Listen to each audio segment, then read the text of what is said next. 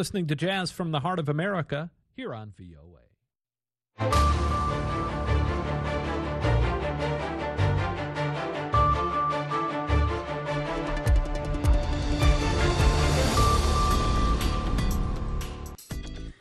halkani waa washington. Laanta afka soomaaliga idaacadda v o a oo aad ka dhagaysanaysaan mawjadaha gaagaaban efemyada geeska afrika iyo caalamka oo dhan. Oo aad nagala socotaan v o a somaly com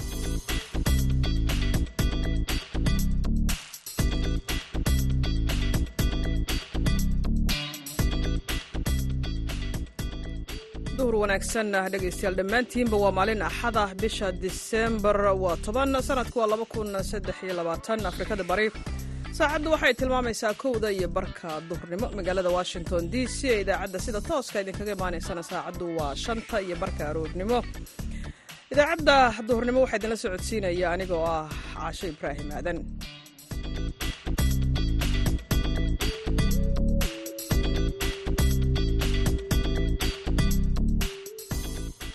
qodobada aad ku maqli doontaan idaacadda duhurnimona waxaa ka mid ah barnaamijka hibada iyo halla abuurka oo ku saabsan dhallinyarada iyo qoraalka. Wuxuu ugu dhashay sannadkii laba kun iyo toban iyo todobo gudihiisa bishii sideedaad waxa uu ii qaatay muddo dheer oo ilaa iyo saddex sana iyo bardhan waxa ugu dambeyn soo gebagabeeyey labada kun iyo labaatan iyo kowdii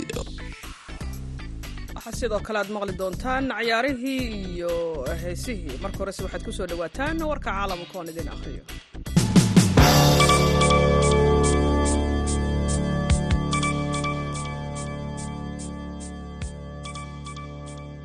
Qaramada midoobey ayaa sheegtay in daalibaanka ay waajib ku tahay in ay qaadato oo ay ilaaliyaan waajibaadka xuquuqda aadanaha ee dalka afghanistan. Tan iyo markii ay la wareegeen awoodda dalka sannadkii daalibaan waxa ay tirtirtay xuquuqaha iyo xorriyadaha aasaasiga ah iyada oo haweenka iyo gabdhaha ay si qoto dheer u saameeyeen. Waxaa laga saaray badi goobaha caamka ah iyo nolol maalmeedka. Axaddan oo ah maalinta xuquuqul insaanka iyo sanad guuradii shan iyo toddobaatanaad ee ku dhawaaqidda caalamiga ah ee xuquuqul insaanka ayaa howlgalka qaramada midoobey ee dalka afghanistan waxa uu sheegay inay waajib tahay in la ilaaliyo xuquuqda aadanaha si loo xaqiijiyo barwaaqada mustaqbalka ee dalka iyo sidoo kale isku duubni iyo xasilooni maraykanka ayaa dhowaan cunuqabatayna ku soo rogay laba sarkaal oo ka tirsan daalibaan sababo la xiriira xadgudubka xadgudubyo ka dhana xuquuqda aadanaha laba doonyood oo ay la socdeen in ka badan saddex boqol oo muslimiinta rohingaha ah oo ay ku jiraan haween iyo carruur. Il daran ayaa gaaray gobolka layidhaahda aseh ee xiga waqooyiga indonesiya subaxnimadii axaddan kadib markii ay kelinimo socdeen muddo toddobaadyo. Ah hal doon oo badda ku luntay qiyaastii bil iyo bar ka hor oo siday boqol shan iyo soddon rakaab ah ayaa waxa ay gaartay xeebta tuulada layidhaahda lambre aje baser regency doonta kale oo siday ku dhowaad boqol iyo siddeetan qof.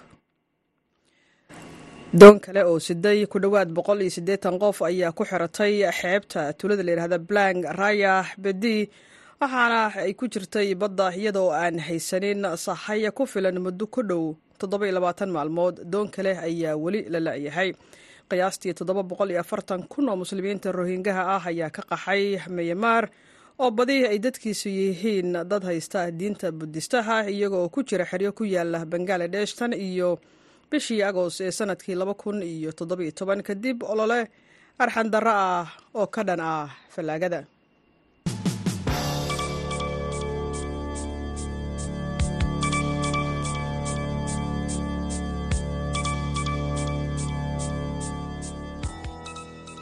mar kale ayaan hawada idinka leenahay duhur wanaagsan meel kasta oo aad naga maqlaysaan. Waxaad ku soo dhowaataan barnaamijkii hibada iyo hal abuurka waxaa idinla socodsiinayaa cabdicasiis barrow.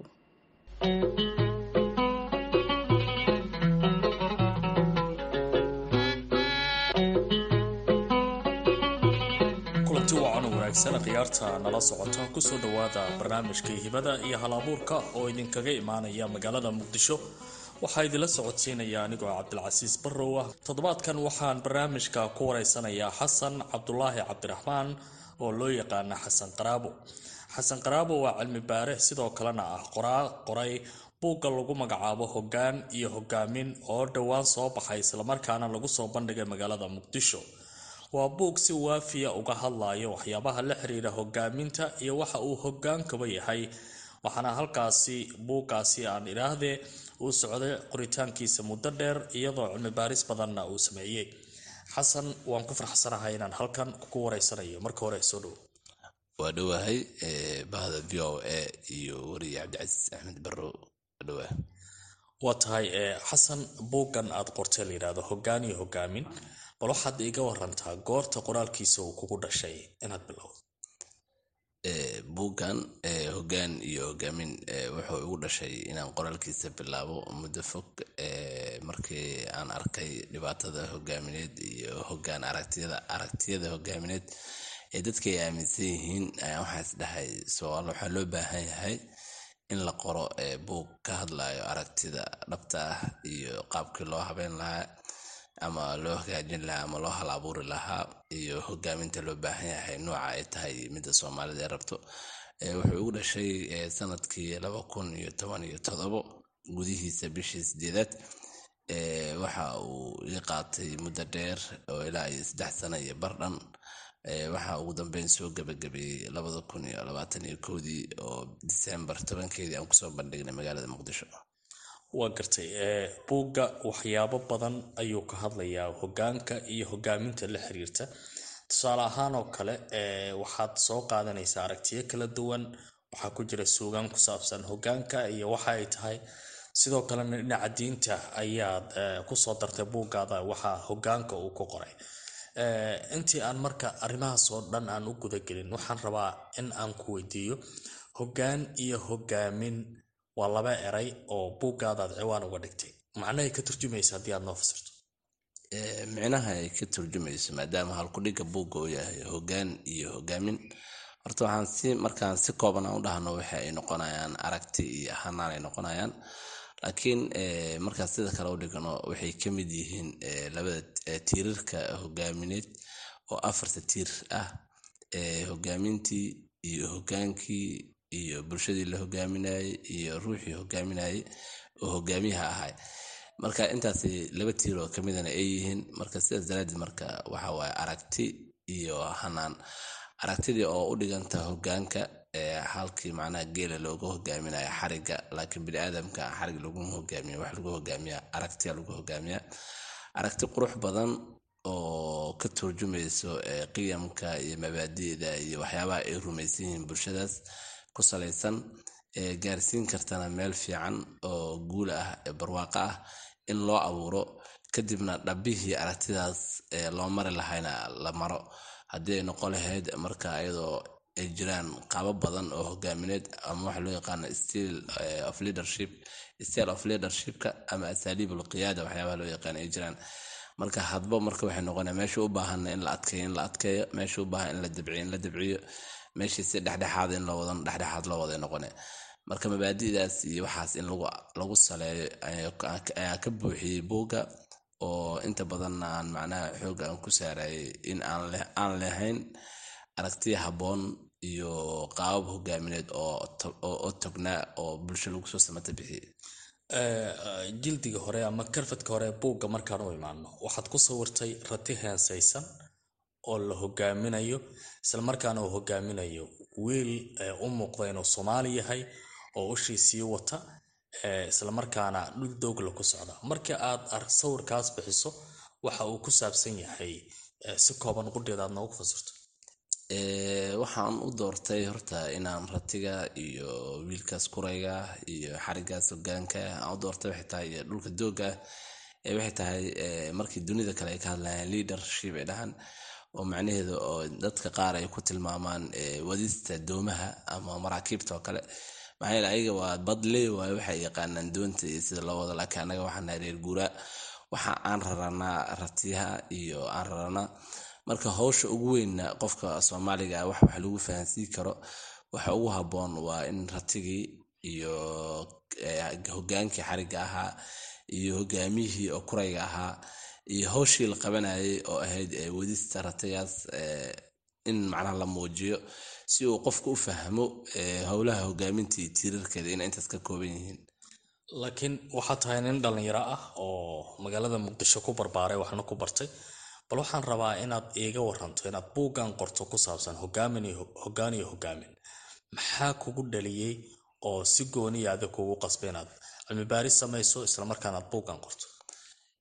Waxaa igu dhaliyey baahida ugu badan oo aan dareemayo aniga iyo dadkayla midka ah ee ku soo barbaaray dhibaatada burburka iyo dagaalada wax ku soo bartay ku soo dhex jiray aragtiyaha isdiidanna soo arkay tan iyo laba kun markii dowladda soomaaliya la soo unkay oo laga soo bilaabay jabuuti carto nidaamkii habkii mar walbaba eedeynta iyo meesha ay ku socotay iyo qaabkii macnaha dadka isku eedeynayeen ishaysashada badnaaye markaasa waxaa is leeyahay soo looma baahno in horta barnaamijkan dadka la fahansiiyo. Horta ma anaga aragtiyaha aan qaadanayno qaabkee u qaadanaynaa maxay yihiin intey ka imaan karaan sidee la rabaa inaan aragtida aan qaadanayno oo ku noolaanayno noocay tahay? Waxyaabahaas in la fahansiiyo soo uma baahno. Teeda kale qofka hogaamiyaha loo dooranayo in laga fiiriyo miya qabiilka mase in laga fiiriyo waa astaamo iyo sifooyin lagu dooranayo in laga fiiriyo. Qofkaas hogaamiyaha noqonaya naftirkiisa muxuu u baahan yahay si uu hogaamintiisa u wato? Inuu ku sifoobo ama macnaha u qabto howlaha u qabtay tahay nuucou qaadanaa adduunka waxaa ka jiro aragtiyo kala duwana ka jiro. Marka ma aragtida x oo qaadanaa mase aragtida y oo qaadanaa oo ah macnaheeda ma wuxuu noqonaa qof dictator oo noqonaa ma wuxuu noqonaa qof macnaha fawdawi oo noqonaa ma qof wuxuu noqonaa shuuri oo noqonaa oo dadka la tashado. Marka waxyaabahaas o dhan horta in la fahmo maadaama aysan dadka isfahansaneen marka waxaa arkaya markaa fiirisid madaxda iyo nidaamkaba markaa fiirisid inuu si un isugu qasan yahay marna aad ka arkaysid inaad dadka yihiin aneerkiyiin ay yihiin. Dad macnaha fawdawi iyo waxyaabahaas inay ku shaqeeyaan rabaan. Marna aad arkaysid dad inay yihiin wadatashi inay ku shaqeeyaan rabaan inay yihiin. Mar dad aad arkaysid socialka iyo waxyaabaha inay ku shaqeeyaan rabaan yihiin. Dad democrats mar inay ku shaqeeyaan rabaan.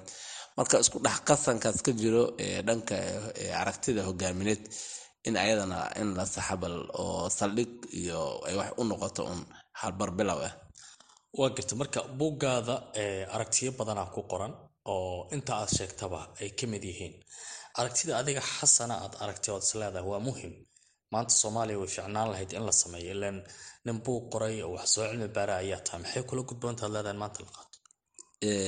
Horta intaana taas u gelin waxaa jiro hogaanka ama aragtida wax markii la curinayo markaan geela hadda aan ku laabano tusaaleynta geela aan ku laabano geela waxay leedahay saddex qaab oo hogaanka loogu sameeyo.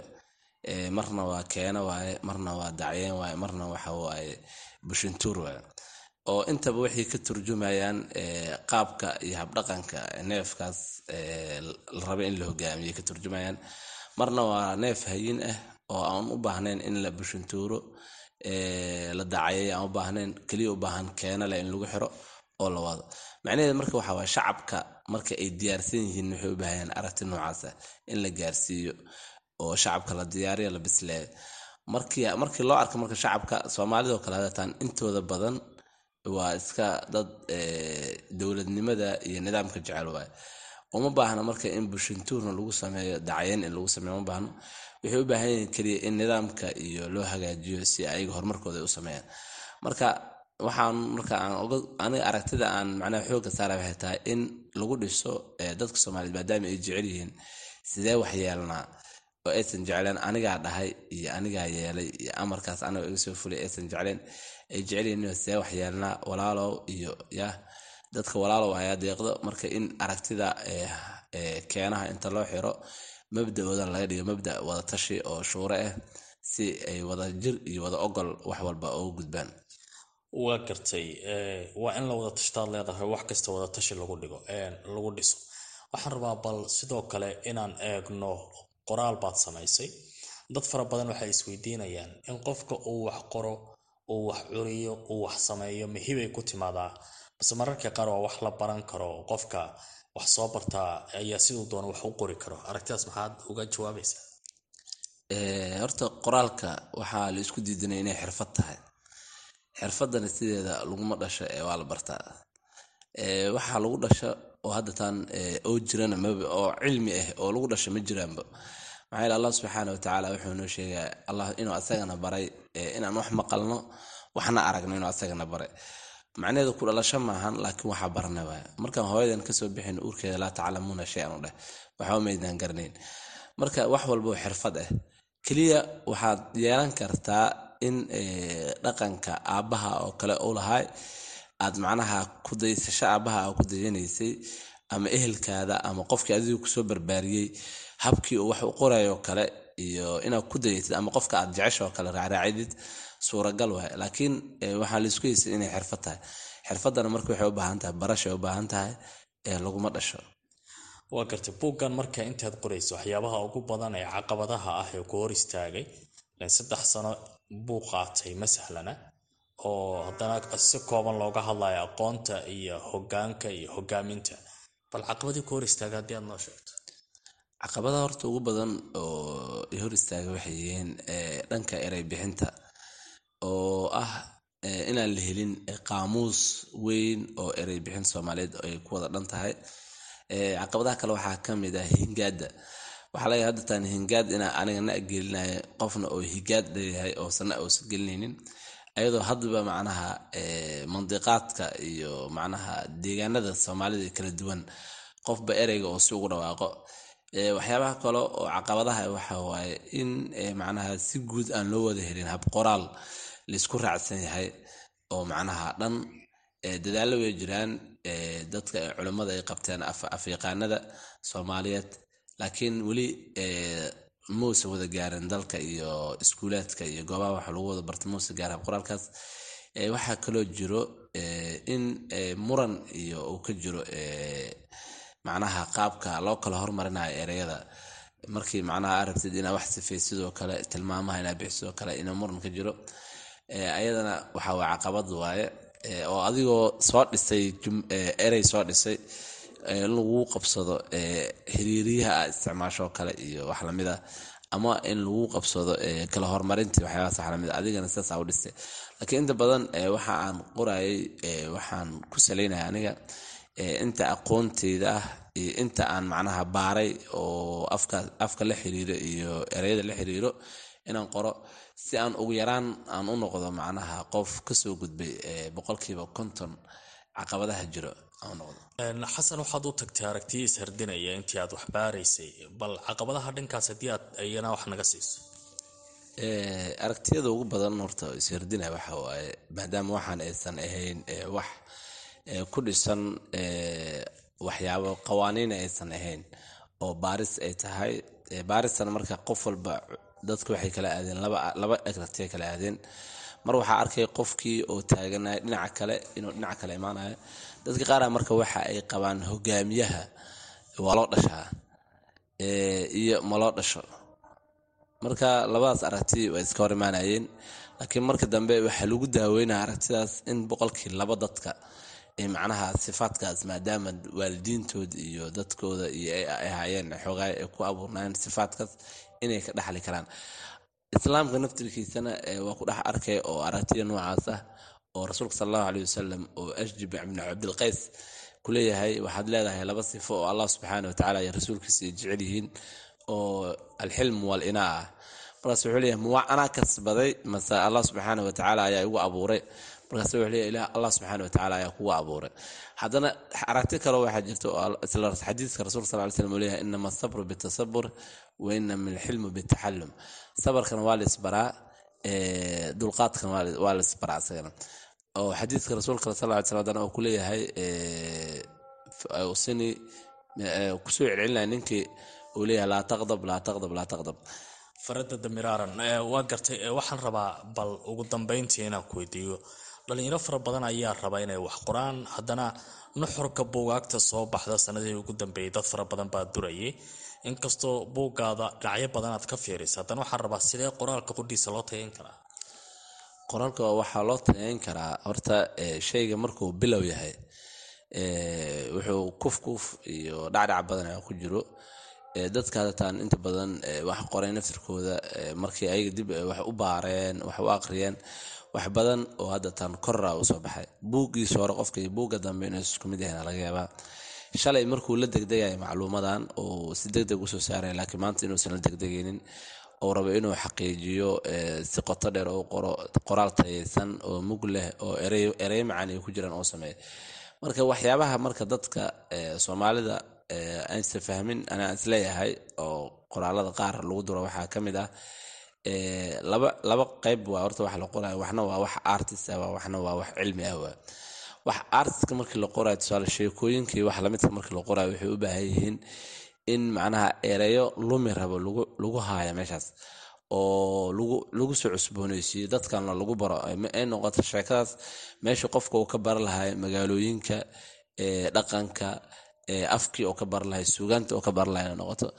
Markii laakiin dhanka aqoonta tahay way ka duwan tahay oo waxay u baahan tahay luuqad fudud oo qof walba oo soomaali ah oo wax aqrin karo uu fahmi karo in lagu qoro wixii markaas u baahana bidhaamin sida erey bixinadoo kale loo sameeya bidhaamin loo sameeya marka labadii yaa isaga kaaga qaldantay oo sheekadii yaa dadka qaar waxay u qorayaan sidii cilmigii cilmigii dadka qaar waxay u qorayaan sidii sheekadii u qorayaan marka qofkii oo ka faa'iidaysan lahay cilmigii a wuxuu ku mashquula marka erey bixino inuu badan oo u raadiyo ama qaamuus oo la raadsado ama gabay iyo suugaan iyo oo dhankaas u bato marka sidaas daraaddeed marka waxyaabaha waxaa jira marka fahamkii oo dhanka qoraalka ah xoogaa naga qaldamay laakiin haddatan tababaro badan oo la sameeyey iyo jaamacado qaar oo haddatan furay in kuliyadda afka soomaaliga iyo suugaanteeda la barto waxaan is leeyahay wax badan ayay ka bedeli doonaan qoraalka tayantiisa aad ayaad mudan. Khiyaartay nala socotaa intaas ayaan ku soo afmeerayaa toddobaadkan barnaamijkii hibada iyo halabuurka oo idinkaga imaanaya magaalada muqdisho waxaa idinla socodsiinaya anigoo cabdilcasiis barrowo waxaana marti igu ahaa xasan cabdulaahi cabdiraxmaan oo loo yaqaana xasan qaraabo oo ah qoray buug lagu magacaabo hoggaan iyo hogaamin oo dhowaan lagu soo bandhigay magaalada muqdisho. Tan iyo kulanti dambe barnaamijkan mid la mid ah intaynu isku arki doonno dhammaanteenba waxaan idin leenahay nabadgelyo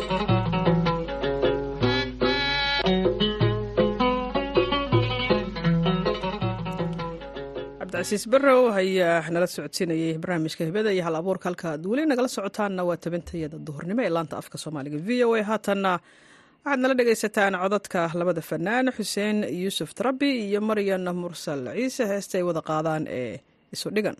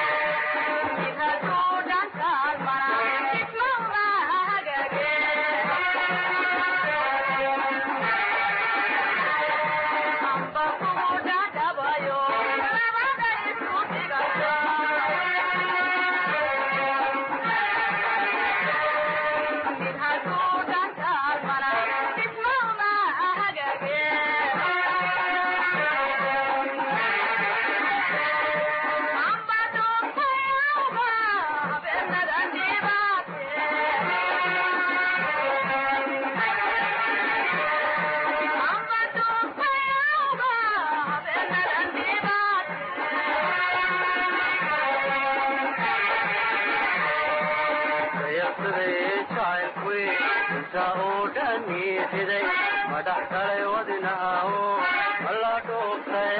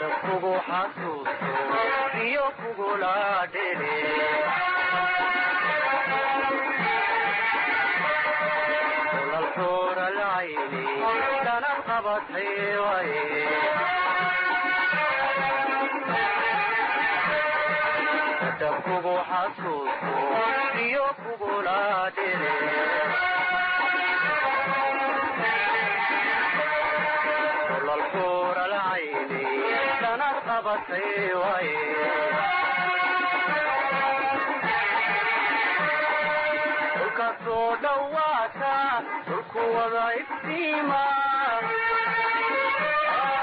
nabakala nabakala nabakala dhagtale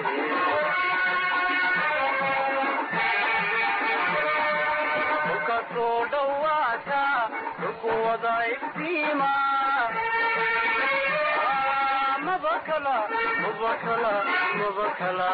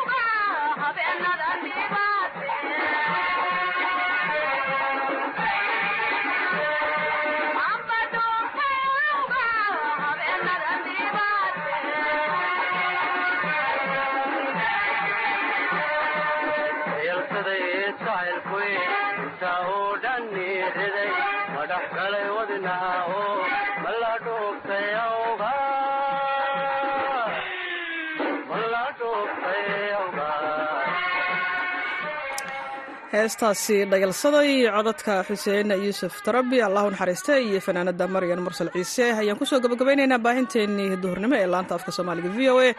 Waxaa idinla socodsiinaya anigoo ah cashi ibraahim aadan. Dhinaca farsamada waxaa joogay ismaaciil xuseen maxamed farajar intaan mar kale kulmayno nabadgelyo